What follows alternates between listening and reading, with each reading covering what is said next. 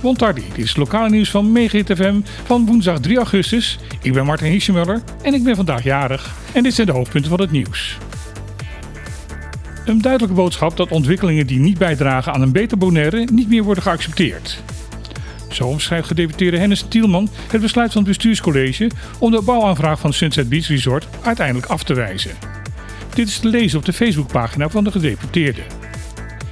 Hij geeft daar ook in aan dat er nog meer veranderingen zullen moeten plaatsvinden om de ontwikkelingen op een snelgroeiend Bonaire een juiste richting te geven.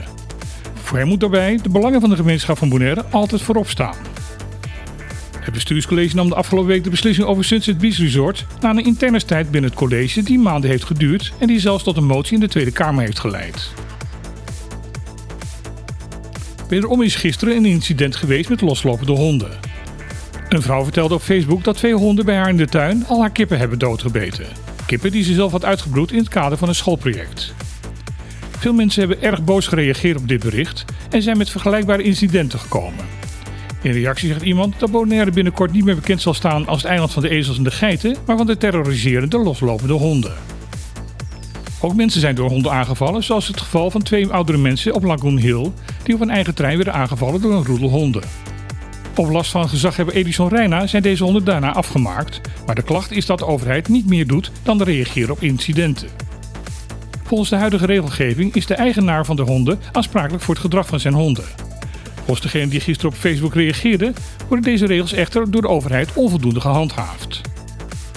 Ook is er anderhalf jaar geleden door Stichting Dierenhulp een ontwerp ingediend voor een nieuwe, meer adequate regeling betreffende het houden van huisdieren.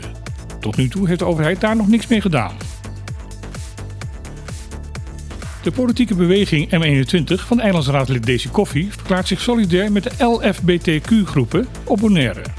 Aanleiding voor deze verklaring zijn de diverse Pride-evenementen die deze week wereldwijd zijn georganiseerd.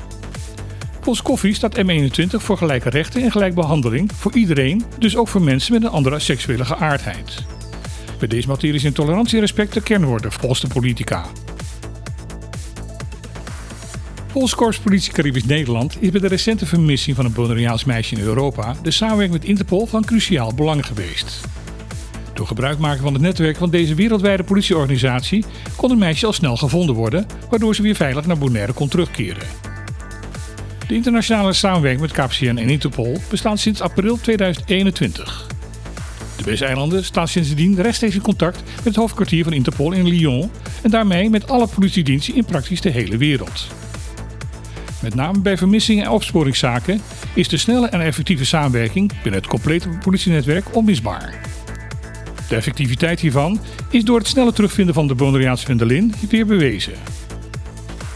Dit was het lokale nieuws van vandaag. Ik wens u nog een hele fijne dag. Ik ga mijn verjaardag vieren en graag dan weer tot morgen.